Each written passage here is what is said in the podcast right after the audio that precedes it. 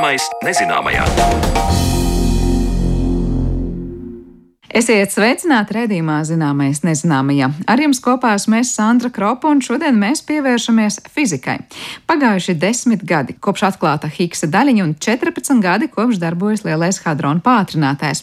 Šogad laikā kodolizpētes centrs Šveicē kļūst par laboratoriju neskaitāmiem fizikas eksperimentiem, kuru mērķis ir meklēt atbildes uz pašiem fundamentālākajiem mūsu eksistences jautājumiem. Par to sīkāk šodien runāsim raidījuma otrajā daļā, bet pirms tam aicinu ieklausīties mūsu arhīvu arhīva stāstā par kvantu fizikas saikni ar citām nozarēm. Pagājušā gadsimtā sevi uz skatuves spilgti pieteica kvantu fizika, un kopš tā brīža ir krietni mainījies priekšstats par vairākām parādībām. Gaisma, laiks un telpa, apziņa ir daži no jēdzieniem, kurus kvantu fizika ļāvusi ieraudzīt citādi. Līdz ar to varētu likties, ka realitātē ir iespējams pilnīgi viss. Vai tā tiešām ir un vai kvantu fizika varētu būt teoloģijas un ezotērikas sabiedrotā, stāsta Latvijas Universitātes profesors fiziķis Mārcis Sauziņš. Ir dažādas zinātnes apakšnozares un dažādas pētniecības metodes, taču neatkarīgi no tā, vairākas disciplīnas mēģina rast atbildes universāliem jautājumiem par lietu kārtību un to, kā viss radies. To dara arī kvantu fizika, pētot mazu daļiņu, piemēram, atomu un molekulu miedarbību savā starpā un ar ārējo starojumu Atālināti tiekos ar Latvijas Universitātes profesoru un fiziķi Mārci Auziņu, un mūsu saruna vijas ap kvantu fiziku, mākslu, psiholoģiju, bioloģiju, turpat līdzās esot arī teoloģijai, filozofijai un vēl daudzām disciplīnām. Mārcim Auziņam vaicāju, kas ir tie jautājumi, kuros kvantu fizika sastopas ar citām nozarēm un iespējams katra strīdas par savu taisnību. Tieši šo aspektu esejā Divas kultūras analizējis angļu biologs un rakstnieks Čārls Snovs, un viņa redzējumam pievienojas arī Mārcis Auziņš. Snova ideja, kurai es domāju, ka ļoti daudz mēs šobrīd varam pievienoties, ir, ka uz pasauli var skatīties ļoti dažādiem skatu punktiem. Un būtu nepareizi un muļķīgi strīdēties, ka redziet, fiziķu skatu punkts ir pareizs un uh, filozofa vai filologa skatu punkts ir nepareizs var jau būt dažādi viedokļi. Piemēram, dabas parādība varavīgs. Es domāju, ka mums ir kādos brīžos licies, ka nu, šeit kaut kas ir skaists. Un tā tad kāds var teikt, bet ja tu tagad sāksi man stāstīt, ka tur ir eh, ūdens pilieri, viņos lūst gaisma, tad sabojās visu burvību. Šeit es negribētu piekrist.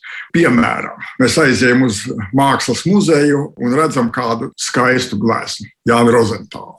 Ja mēs neko nezinām par viņa biogrāfiju, iespējams, ka mums arī šī glezna saviņo liekas interesanti, bet es gribu apgalvot, pēc manas pieredzes noteikti, ja es kaut ko zinu vairāk par šo autoru, par tiem apstākļiem, jeb to vēsturisko situāciju, kad attiecīgā glezna ir radusies, viņa kļūst vēl interesantāka, viņa vēl vairāk atklājās man.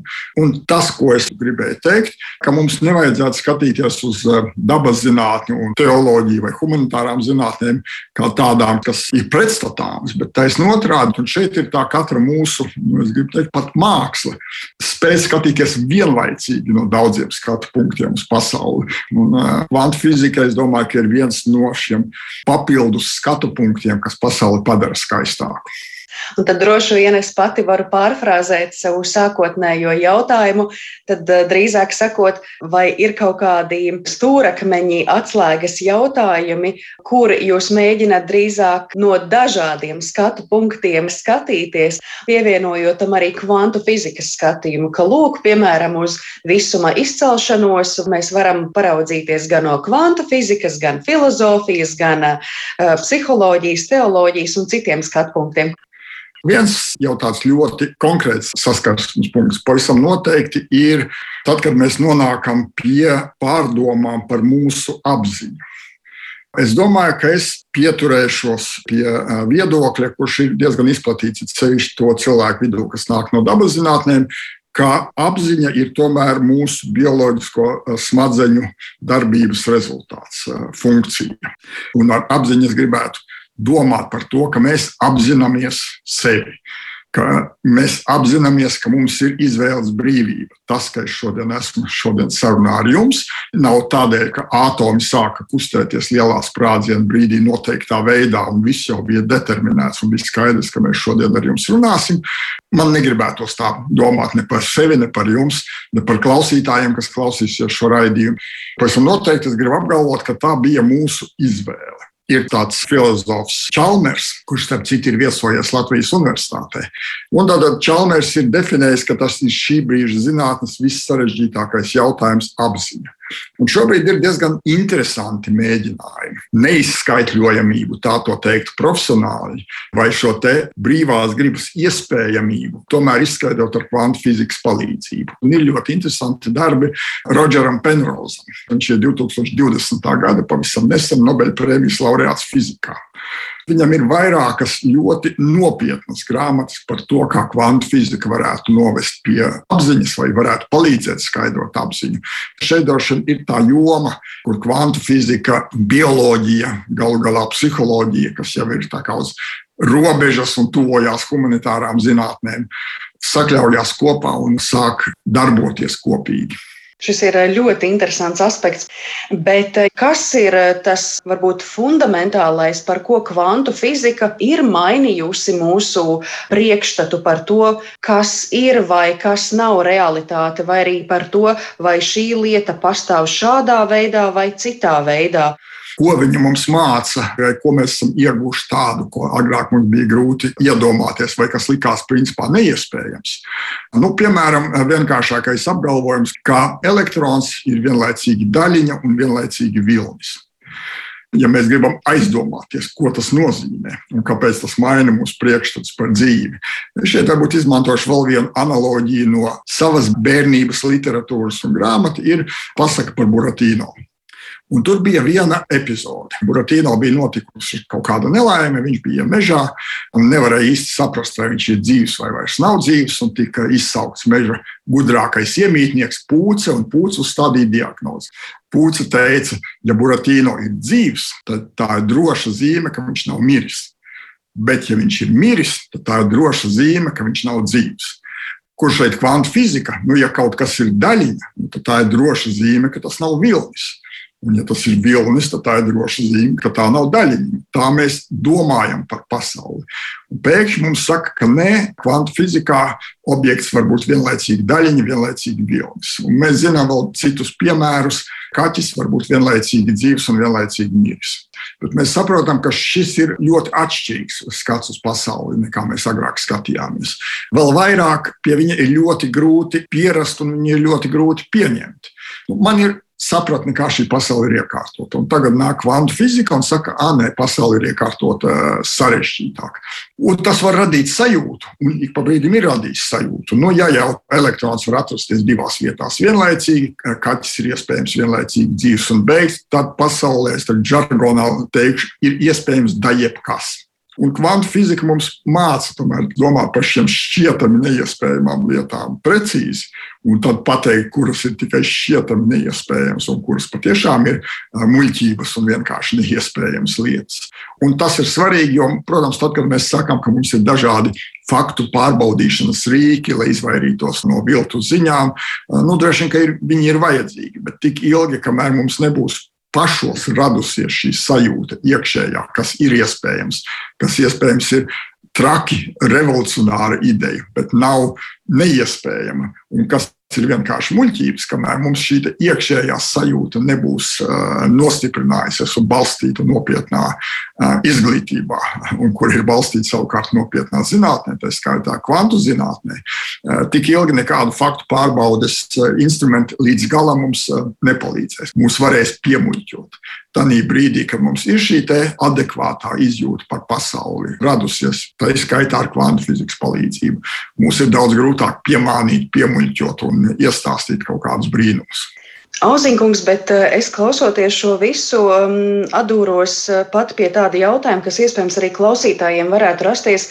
Nu, bet kā fizika, matemātikas, tas taču vienmēr asociējas tiešām ar kaut ko racionālu, ar formulām, kur viss ir aprēķināts, un tas to visu atšķir no humanitārajām nozarēm, kur nu, ir spriešana, ka varētu būt šādi un varētu būt šādi. Bet kā tad tagad sanāk, ka tas ienāk arī tik eksaktā nozarē, kā kvantu fizika, un kas tad uh, tur ir tas, kas mums tagad pēkšņi pasaka, ka var būt tā un varbūt arī šā, ka gaisma izrādās ir ne tikai vilnis, bet ka gaisma ir arī daļiņa, vai ka kaut kas var būt dzīves vai miris. Ir taču jābūt kaut kādai teorēmai, kas to pamatu sniedz. Kvantu fizika joprojām balstās ļoti precīzos matemātiskos vienādojumos. Tikai šo vienādojumu rezultāts ir nedaudz atšķirīgs no tā, ko mēs esam pieraduši redzēt, piemēram, klasiskā fizikā. Un es mēģināšu uh, noilustrēt, ko nozīmē šī atšķirība. Klasiskā fizika mums precīzi ļauj paredzēt notikuma rezultātu. Ja es biļarda bumbiņām likšu sadurties noteiktā veidā, kā viņas lidos pēc sadursmes. Kvantu fizikā joprojām ir vienādojumi, un kvantu fizikas pamata vienādojums saucās Schrödingera vienādojums. Schrödingera vienādojums atšķirās, ja kvantu fizikas matemātiskā aprēķina rezultāts atšķirās no klasiskās fizikas, ka ar absolūtu precizitāti kvantu fizikā mēs varam paredzēt varbūtību. Līdz ar to es nevaru precīzi paredzēt eksperimentu rezultātus, bet tas nenozīmē, ka mana matemātika vairs nedarbojās, vai matemātika vairs šo neapraksta, bet viņa apraksta citos terminos, viņa apraksta šīs varbūtībās. Otra lieta, ko kvantu fizika māca mums visiem domāt, un kas arī ir ļoti svarīga mūsu ikdienas dzīvē, domāt noteiktās abstrakcijās. Jo kā mēs sākam mācīties fiziku? Mēs sākam mācīties, es tagad ļoti vienkāršošu, bet tomēr. Sākumā mēs sakām, mums ir biljarda bumbiņas, mēs viegli varam iedomāties, kā viņas tur ripo, sadurās. Tas, ko mēs pieliekam klāt, mēs mākam aprakstīt ar matemātiku, kas tur notiek. Tad mums saka, bet redziet, gaiss vai gāze ir tādas pašas mazas bumbiņas, atomi vai molekulas, mēs viņas neredzam. Bet viņas tur eh, arī kustās noteiktā veidā, miedarbojas, eh, saduras, Un tas pats vien ir. Nu, mums tā kā jāpierod pie šāda domāšanas veida, jo es tā kā apkārt gaisā neredzu tās bumbiņas. Šādās kategorijās domāt par pasauli, ka ne viss ir jābūt uh, aptaustāmam, ieraugāmam, kā biļardu bumbiņām, ka var būt šī abstrakcijas uh, noteikti pakāpe. To mums māca fizika, un šis ir viens no veidiem, protams, ne vienīgais veids, bet viens no veidiem, kā to mācīties darīt, kā trenēties to darīt. Es gribēju jautāt, vai varbūt eh, kvantu fizika tiem cilvēkiem, kuri tā pārliecinoši tic eh, ezotērikas idejām, sniedz uh, zināmu mierinājumu, ja mēs tā varētu izteikties. Proti, ko es ar to domāju? Nu, ir cilvēki, kuri ļoti tic idejām par aurām, enerģētiskajām čakrām un visādām citām ar aci netveramām, bet šķietami sajūtamām lietām. Tad ir daļa cilvēku, kas par to pasmējas, nu, kas tas ir. Un iespējams, tagad varbūt šie cilvēki saka, nu, labi, jūs mums neticat, bet ir tāda kvantu fizika, kurā daudz kas ir iespējams, un līdz ar to tas mums ir pamatojums teikt, ka ir šādi dažādas auras un čakras, un ka ir šī ezotēriskā pasaule. Es teiktu, ka būtu diezgan bīstami, lai gan tas ik pa brīdim notiek, un diez vai būtu pareizi teikt, ka redziet, mēs ar kvantu fiziku pierādījām, ka tas, ko saka kristīgā ezotērika, budisti vai vēl kāds, ka redziet, šis ir pierādījums, ka tas, ko viņi teica, ka tā ir taisnība, vai otrādi teikt, ka es dziļā meditācijas stāvoklī eh, atklāšu jaunu kvantu fiziku. Visbiežāk tā tas īsti nenotiek. Bet tā pašā laikā es negribu nekādā veidā mazināt šo te ezotēriskās pieejas nozīmību un negribu ezotērisko pieredzi nolikt kā kaut kādu nepareizu un uh, citādi. Es domāju, ka katram no mums ir bijušas kādreiz tādas, nu, sauksim, pārpasaulīgas sajūtas. Jūs klausieties Baha koncertu un pēkšņi saprotat, pasaule ir nedaudz citāda, kā viņa bija pirms tā muzika sāk skanēt. Jautājums, kas tajā brīdī notika? Un es gribu apgalvot, ka jūs ieguvāt ne tikai jaunu pieredzi, bet jūs ieguvāt jaunas zināšanas. Bet jaunas zināšanas nevis tādā nozīmē, ka tagad es varu uzrakstīt formulu un tā tālāk. Ar zināšanām šī gadījumā es saprotu jaunu skatu uz pasauli. Zināšanas šī nozīmē tas, kas maina to, kā es šī pasaulē jūtos, ja gribiet, kā es viņu pasaulē funkcionēju. Un līdz ar to tās ir papildinošas pieredzes. Bet slikti būtu uh, meklēt vienas skaidrojumu. Uh, otrā, tāpat kā varbūt, ja tā ļoti vienkāršot, es teiktu, tad, kad mēs domājam par pasaules rašanos, lielo sprādzienu un tā tālāk, meklēt pretrunas ar uh, svētajiem rakstiem, manuprāt, ir muļķīgi. Svētie raksti nav dabaszinātņu grāmata un nav par to, kā fiziski radās pasaule. Un arī pretēji. Līdz ar to katrai ir sava joma. Un ja mēs šo simbiozi spējam sevi noturēt, tad es domāju, ka viss ir kārtībā. Dzirdējām mūsu arhīvu materiālu. Paldies Marionai Baltkalnei par tā sagatavošanu, bet raidījuma turpinājumā pievēršamies lielajam hadronu pātrinātājam un Higsa daļiņai.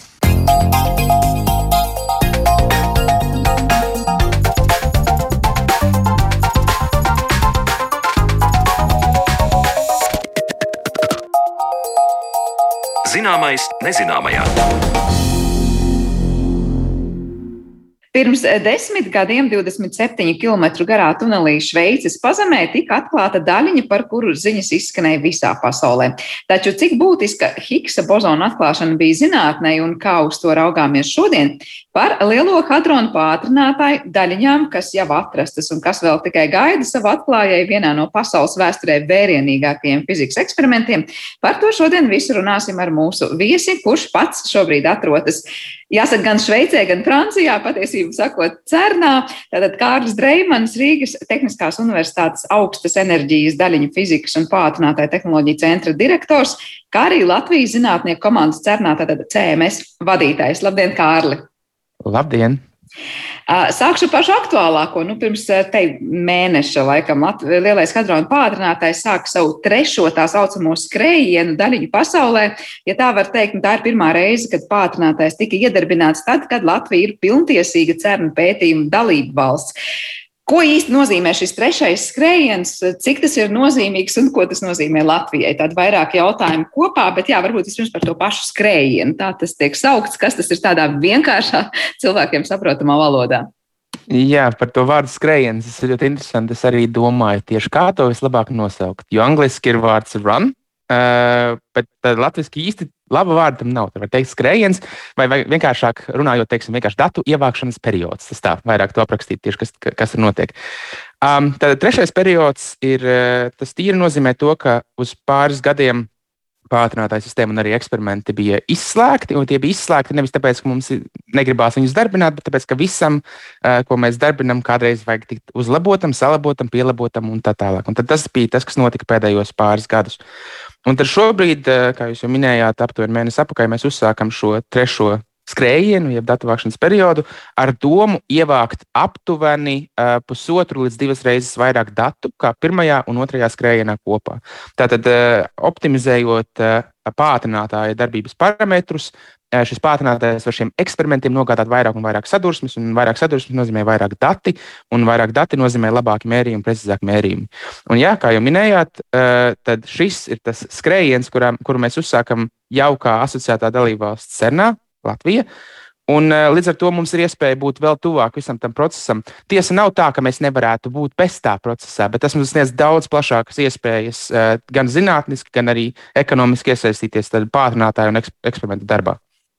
Kā tas īsti praktiski notiek? Latvijai ir kaut kāds konkrēts stundu skaits, kurā, es nezinu, Latvijas zinātnieki nosaka, ko viņi grib saprast un kādus datus ievākt, vai tā ir sadarbība ar citu valstu pētniekiem, kuriem ir konkrēts eksperiments, un tad mēs tā kā nākam maza daļiņa talkā tam, kas tur notiek. Kā notiek tas darbs?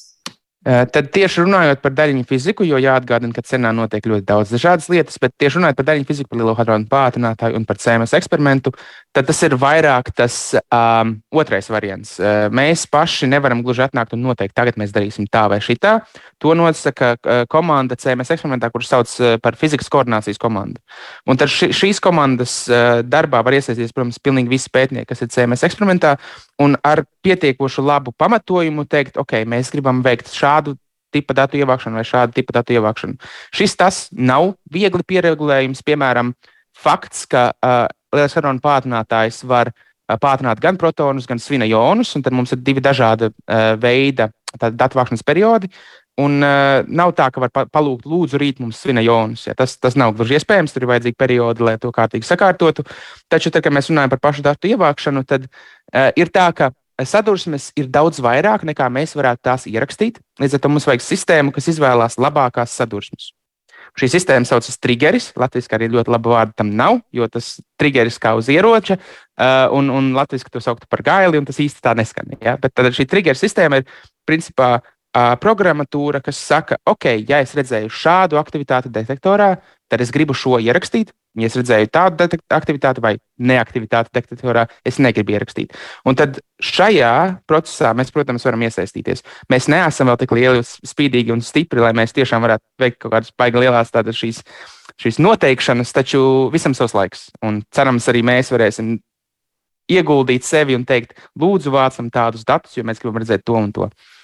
Bet tas skrējiens ir sācies, un, protams, labi, tas, tas periods, kurā tas viss notiks, arī ir, ir šis. Bet cik ātri mēs varam gaidīt cernā rezultātus? Mēs tagad ieraugam sadursmi, dabūjam datus, un, var teikt, zinātnieki ir laimīgi jau tajā brīdī, vai tad tikai arī viss tas darbs sākas? Nu, protams, cik garš ir tas process?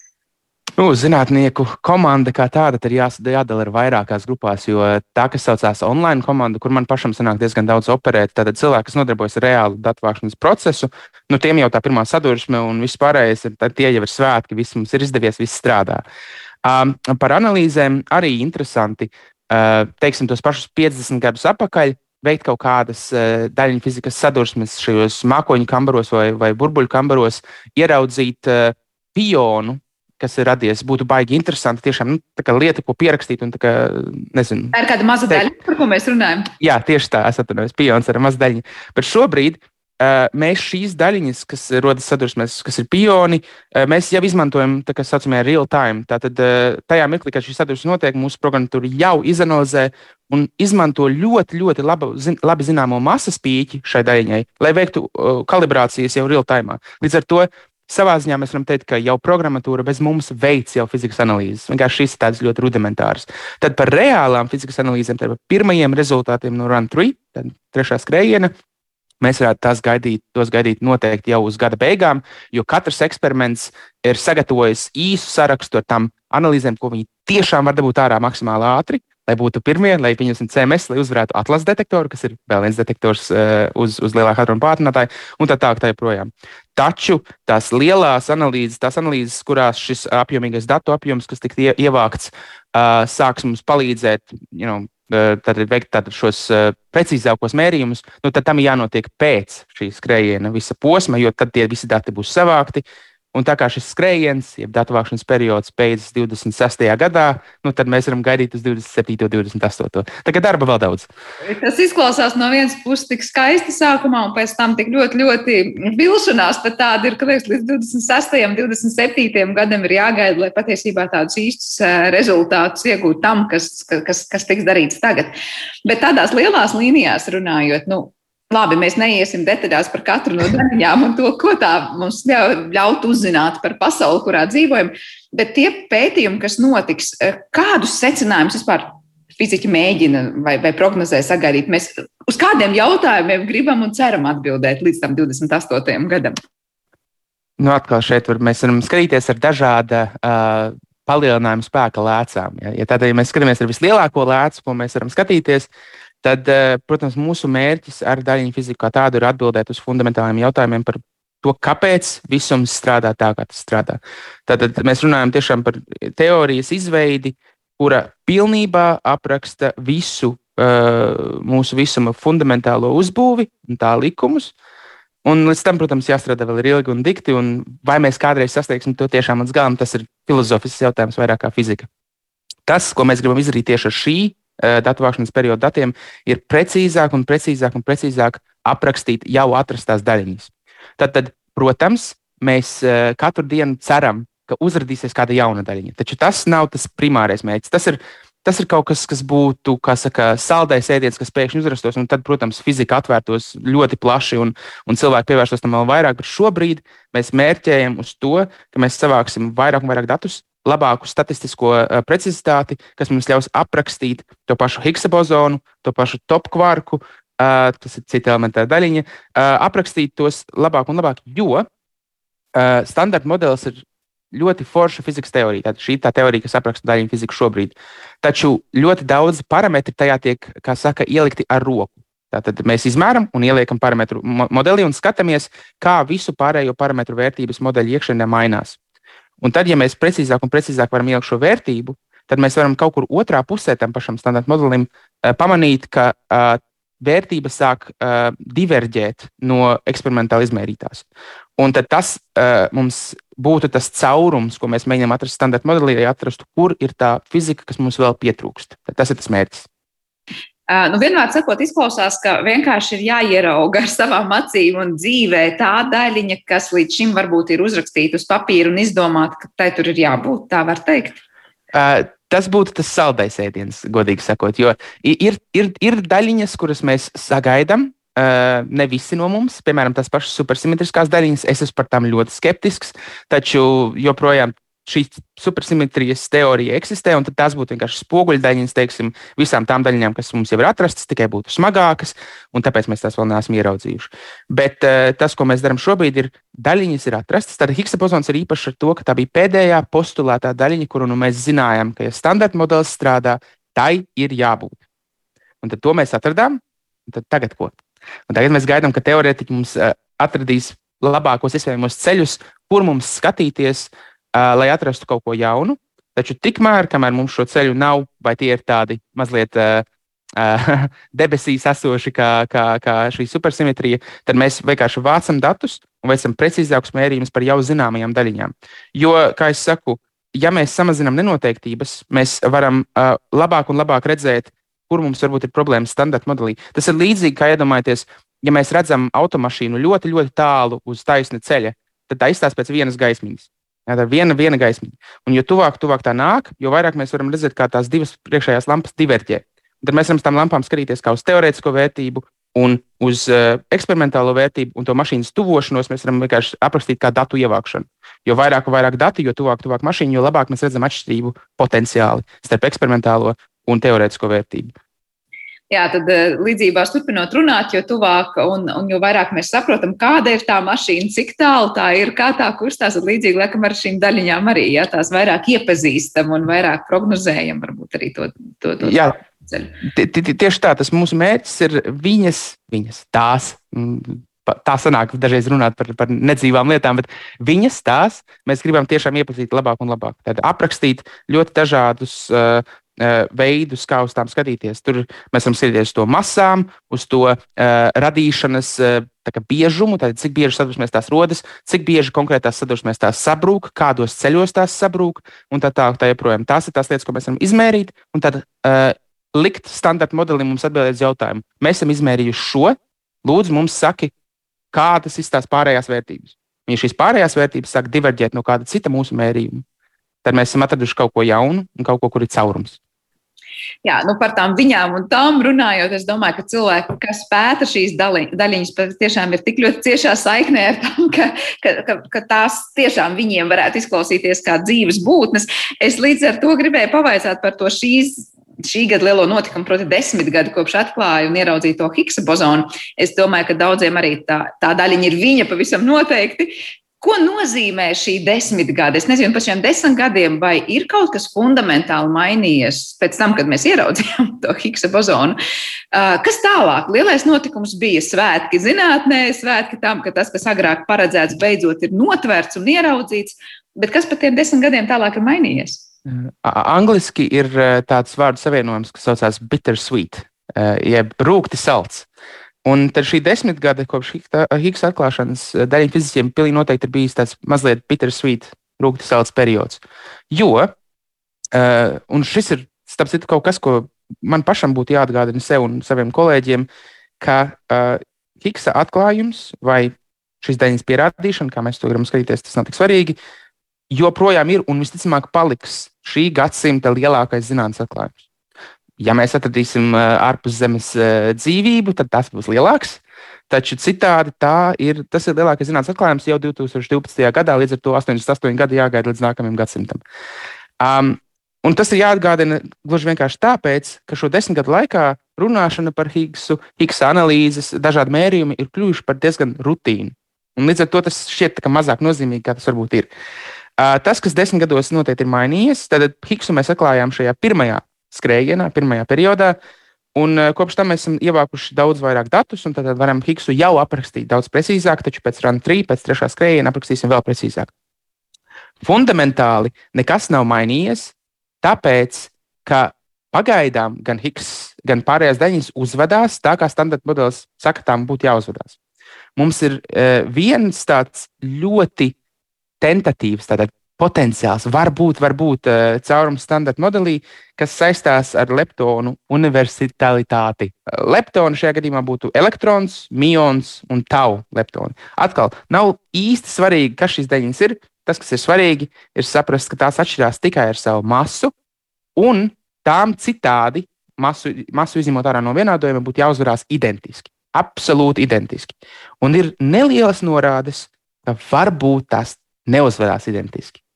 Un, uh, tas ir daudzu analīžu un daudzu gadu garumā veiktu mērījumu rezultāts. Un tas šobrīd ir uh, līmenī, ko mēs saucam par trīs sigmas. Tātad varbūt atceramies no skolas sola standarta sadalījumu, Sigma ir gluži vienkārši kļūda. Tātad, ja mēs skatāmies uz jebkuru mērījumu, ko mēs kādreiz redzam, kaut vai uz tā paša degvielas pumpa, ja mums saka, mēs pumpējam ar tik litriem, plus mīnus tik litriem, tad tā ir viena sigma. Uh, un uh, viena sigmas rādiju, rādījusā ir 68% visu mērījumu. Tā ir statistika runājot. Trīs sigmas, tas nozīmē, ka jau 99,7% iespējamība, ka tā nav statistiska fluktuācija, bet reāls mērījums. Taču daļiņu fizikā 99,7% ir daudz par maz. Eh, sociālajās zinībās eh, atklāšanu vai, vai, vai rezultātu. Um, Tātad šis parametrs ir šīs trīs sigmas. Ja trīs sigmas ir, tad jūs varat teikt, ka ir mērījums izdarīts pareizi, vai labi, vai kvalitatīvi, vai vienalga, kā jūs to gribat skatīties. Daļņu fizikā mūsu tā, tā robeža, tas, tas, tas, tas šķērslis, kas jāpārvar, ir piecas sigmas. Un piecas sigmas nozīmē, ka mums ir jābūt pārliecinātiem par 99,99994% ka tā nu nav statistiska fluktuācija. Tā ir iespējamība, ka tā mēs esam izdarījuši kļūdu, vai ka tas ir tāds random, tāds pēkšņs events datos, kas, kas pazudīs, ir 0,00005%. Ja? Uh, un līdz tam mēs neesam tikuši. Un kamēr mēs neesam tikuši līdz tam, šīs lietas mēdz pazust. Tāpēc mēs ne, ne, ne, ne, ne, nedziedam tās ļoti skaļi un nesakām, ka nu esam atraduši kaut ko. Jo pēc tam atsaukt lietas ir mazliet grūtāk. Un es pieņemu arī sāpīgāk, vai ne? Pašiem. Viennozīmīgi, jā. Bet cik tālu tad zinātnieki ir tikuši, ja nav vēl līdz tam 0,005? Ja Četra, četrām nulēm būtu jābūt. Es tikai neatceros. Šobrīd tālu esam tikuši. Šobrīd esam pusceļā vai šobrīd esam jau tuneļa galā. Ah, varētu teikt, ka mēs esam tādā tā pusceļā, bet tas mēs runājam tiešām par ļoti konkrētu, specifisku vienu mērījumu, kas ir potenciāli interesants. Uh, nevis vienu mērījumu, bet par vienu mērījumu tipu, tas būtu pareizāk teikt. Uh, ne, daudz, darba vēl ir ļoti daudz, un es domāju, ka šis vai nu, tiks, vai nu par šo mēs pārliecināsimies, vai sapratīsim, ka tā ir bijusi kļūda, tad pēc šī uh, trešā skrējiena. Ar šiem datiem būtu jābūt pietiekami, lai redzētu, ka vai nu tiešām leptoni neuzvedas tā, kā bija paredzēts, vai tomēr tā bija statistiska fluktuācija, un tomēr tie uzvedas tā, kā paredzēts. Viens no šiem variantiem ir daudz aizraujošāks kā otrs. Es ļaušu jums minēt, kurš ir kurš. Vai ne, protams, es domāju, bet tas, ka arī jāgaida līdz 2027. vai ne vismaz, lai saprastu, bija nebija kļūda. Pareizi saprotu, tagad mums ir jāskatās visus ievāktos datus. Tātad eh, datu vākšana ir diezgan.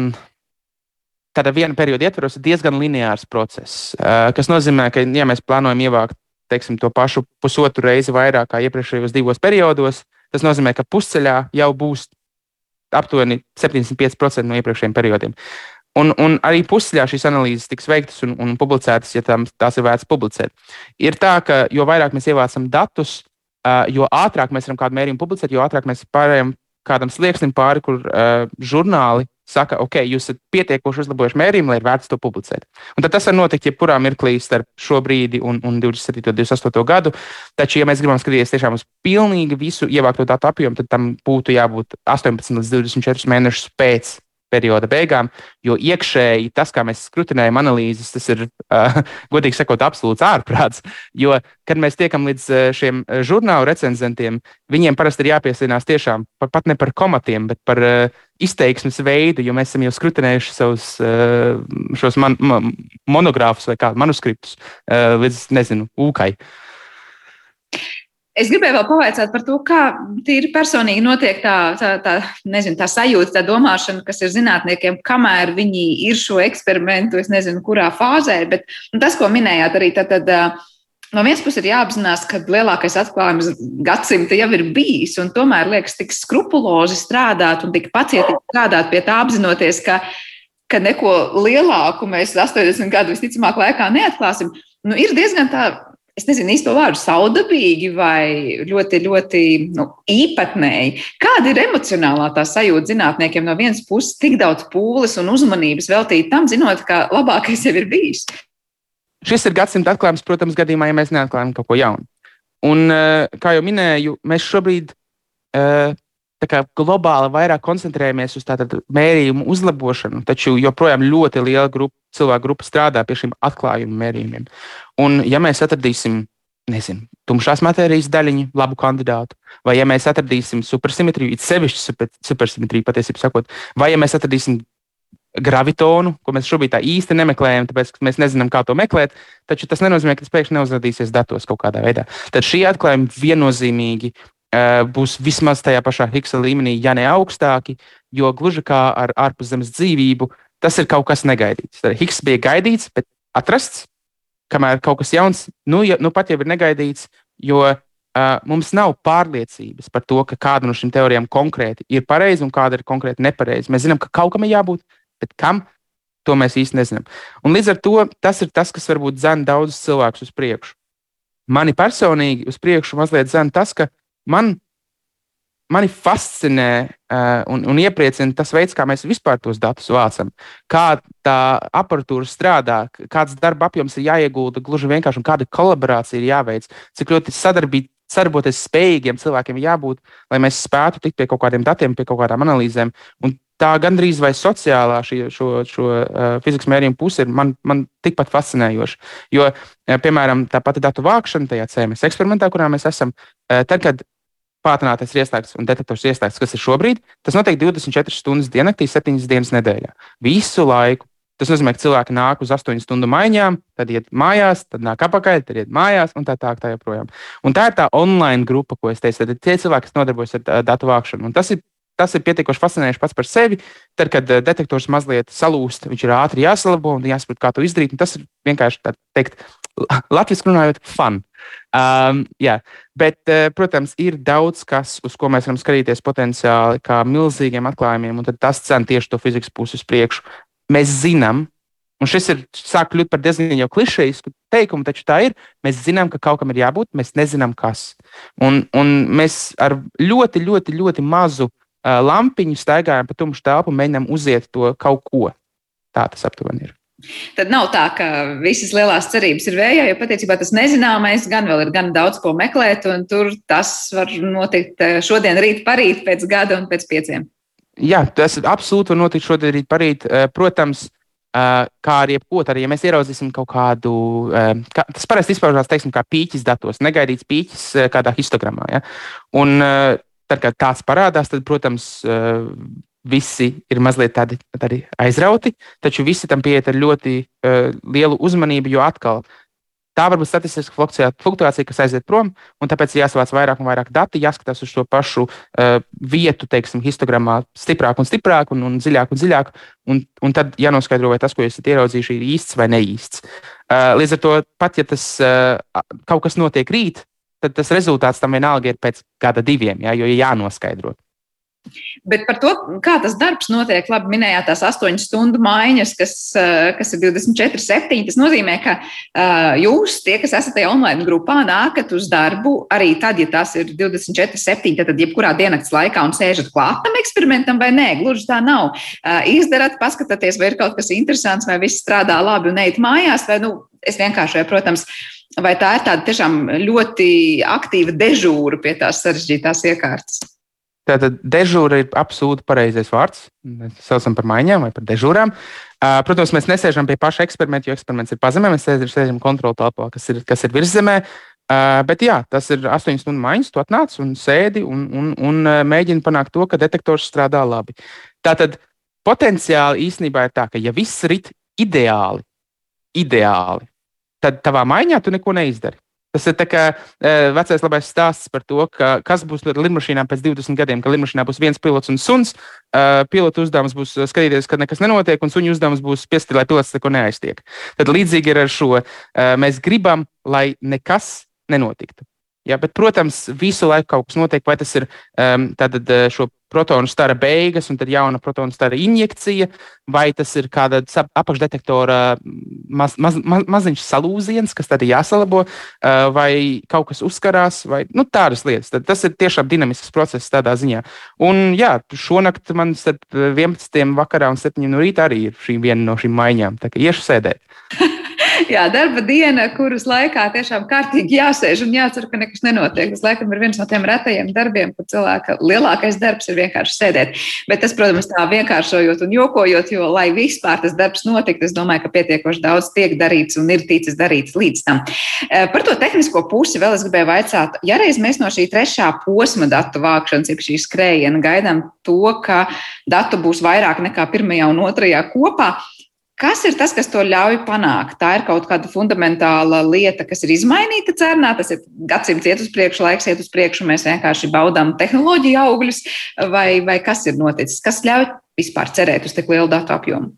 Tas, tas, tas te, tehnoloģija uzlabošanās ir viens no parametriem, kas, kas palīdz to panākt. Un šajā gadījumā tehnoloģijas tas ir gan tieši sensorās, tehnoloģijas detektoros, gan uh, gluži vienkārši Central Processing Units, tātad datori.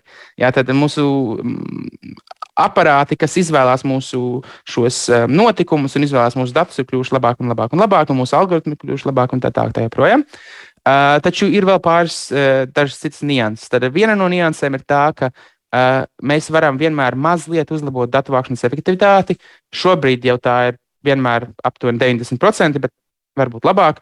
Un ar šo efektivitāti, domāju, tad Pātrinātājs mums piegādā starus, piegādā šos protonu kūlīšus ar kaut kādu daudzumu sekundē. Teiksim.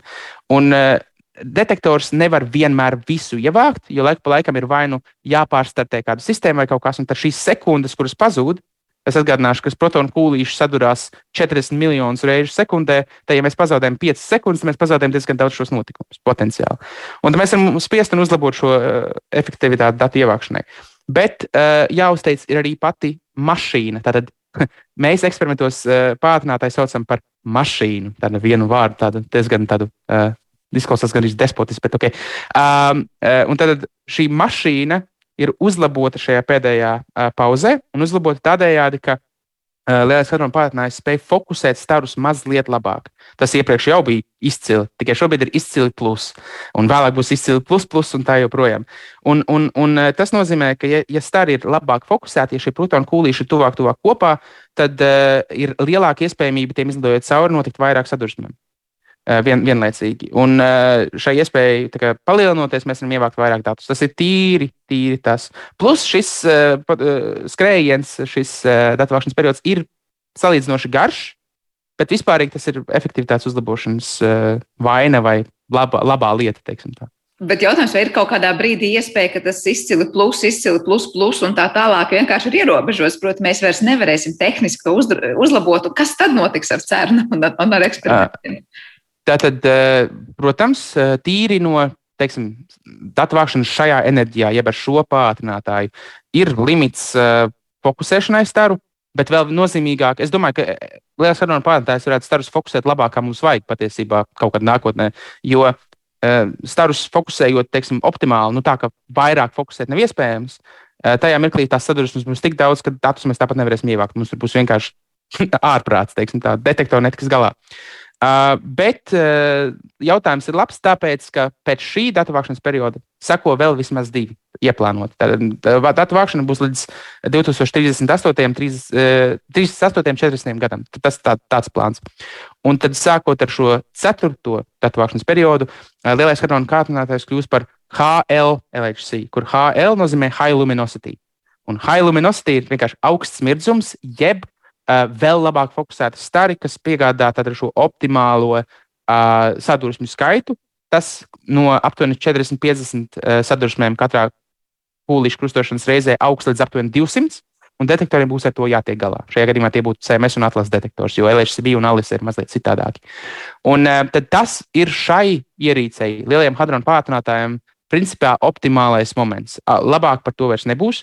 Augstāku enerģiju mēs praktiski nevaram iegūt, jo tad mums ir uh, jābūt magnētiem, kuri fiziski šobrīd mums tiešām nav iespējami. Jau priekš augstā mirdzuma uh, uh, pātrinātāja, šie fokusēšanas magnēti un arī dipoli, kas lietas staru, uh, ir uh, šobrīd tikai kā, izveides stadijā. Mēs vienkārši ticam, ka būs. Uh, gluži kā šo mūra likumu uh, datormācībā, ja katru gadu divreiz, katru dekādu vai katru divreiz palielinās uh, procesēšanas spējas, tad mēs arī ticam, ka magnēti būs un būs. Bet, lai tiktu tālāk, protams, ir tas mūsu nākamais solis pēc 40. gada, ir cerēt uzbūvēt jaunu pātni. Šo Future Circular Collider, jo mums ir ļoti tēlaina spēja veikt vārdus uh, lietām. Uh, un šis pātrinātais arī atrastos šeit, bet tā vietā, lai tas būtu 27 km garš, tas būtu starp 80 un 100 km. Jo tad, kad ir lielāks radius, uh, tev magnēta liekšanas spēja nav vajadzīgai būt tik lielai, un līdz ar to jūs varat panākt lielākas enerģijas. Bet, jā, kā jūs minējāt, tad uh, šim pātrinātājiem tiešām ir kaut kāds maksimums, un šis maksimums nāks šajā uh, 4. un 5. datu vākšanas periodā. Jā, tā kā nu, darāmā vēl būs kādam laikam daudz, un arī tad, kad šeit varbūt pietrūksies, es eh, tiešām ceru, ka arī tas lielais pātrinātājs patiešām noteikti to savu dienas gaismu ieraudzīs, un tad atkal būs jauni izaicinājumi un jauni uzdevumi, ar kuriem tikt galā. Noslēdzot šo sarunu, pavisam tāds praktisks aspekts, es saprotu, ka īpaši doktorantūras programma, kas ir veltīta gan Latvijas universitātē, gan Rīgas Tehniskajā universitātē, ir par cernu un ir par daļiņu fiziku, un tur tieši augusts ir tas laiks, kad laikam tos doktorants īsti gaida. Kārli, kā ir, cik ir lielas iespējas šobrīd pietuvoties tajā lielajai cērna zinātnei? Es nezinu, ikvienam, kurš studē fiziku, vai ir to darījis, vai kuram ir tas lielais sapnis par daļiņu fiziku. Uh. Paldies par, par, par šī pateikšanu, jo mēs esam ļoti priecīgi par šo, ka mums šī programma ir. Uh, tas ir viens no mūsu lielajiem sasniegumiem pēdējo pāris gadu laikā, izveidot šo programmu, kurā studenti var nākt uz doktorantūru un tiešām strādāt ne tikai pie daļiņu fizikas, bet arī pie pātrinātāju tehnoloģiju attīstīšanas cernā. Uh, Bet, nu, protams, man kā fiziķim tā pātrinātāja, fizi, tā, tā, tā daļa fizika ir tā, tā lielā lieta, ja, kas, kas man tā visvairāk interesē. Um, par potenciālām iespējām tādas absolūti ir. Uh, mēs gaidām uh, ļoti pieteikumus, tad, kad atvērsies uh, šis doktoratūras pieteikšanās laiks, kas, ja nemaldos, ir 22. līdz 26. augusts. Um, Mēs gaidām cilvēkus ar maģistra grādu kādā no eksaktajām zinībām, vai, piemēram, arī datorikā un, un, un datorzinībās. Uh, gaidām cilvēkus, kas pieteiksies un gribēs nākt pie mums studēt. Un šis, kā jau saku, šīs iespējas patiešām ir. Uh, mums ir arī uh, dažas neatklāšu skaitu, lai būtu tāds noslēpums, bet dažas budžeta vietas, kuras mēs gribam piepildīt ar labiem cilvēkiem. Un tad šiem cilvēkiem būs iespēja gan veikt pēti, pētījumus uh, CMS eksperimentā, gan potenciāli varbūt kādā mazākā eksperimentā CERNā, gan arī uh, pieslēgties šiem pātrinātāju tehnoloģiju uh, projektiem, ar kuriem mēs šobrīd nodarbojamies. Tad iespējas absolūti ir. Galvenais ir gribēt un pieteikties. Un jāzina, ka darba ir daudz, un jāzina, ka jāstrādā ir daudz, bet nu, es ceru, ka no tā cilvēki īpaši nebaidās. Es domāju, tiem, kuriem ir iedvesma un, un kuri ir uzķēruši to daļiņu fizikas šarmu un arī pātrinātāju šarmu, darba daudzums nebūs tas šķērslis. Bet tas, ko es sadzirdēju, tie nav tikai fiziķi, kas tiek gaidīti, tātad patiesībā ļoti dažādu nozaru disciplīnu cilvēki. Nu, ko es ceru, ka atsaucība būs liela un arī tiešām tie rezultāti jau pavisam drīz būs arī tādi, kas mūs visus priecēs. Paldies, Kārli, par šo sarunu. Atgādinu, ka Kārlis Dreimanis, Rīgas Tehniskās Universitātes augstas enerģijas enerģijas daļiņu fizikas un pātrinātāju tehnoloģiju centra direktors, vienlaiks arī Latvijas zinātnieku komandas cernā CMS vadītājs, bija kopā ar mums šajā raidījuma pusstundā. Ar to arī raidījums ir izskanējis. Paldies par klausīšanos, un mēs tiekamies jau pavisam drīz. Vislabāk!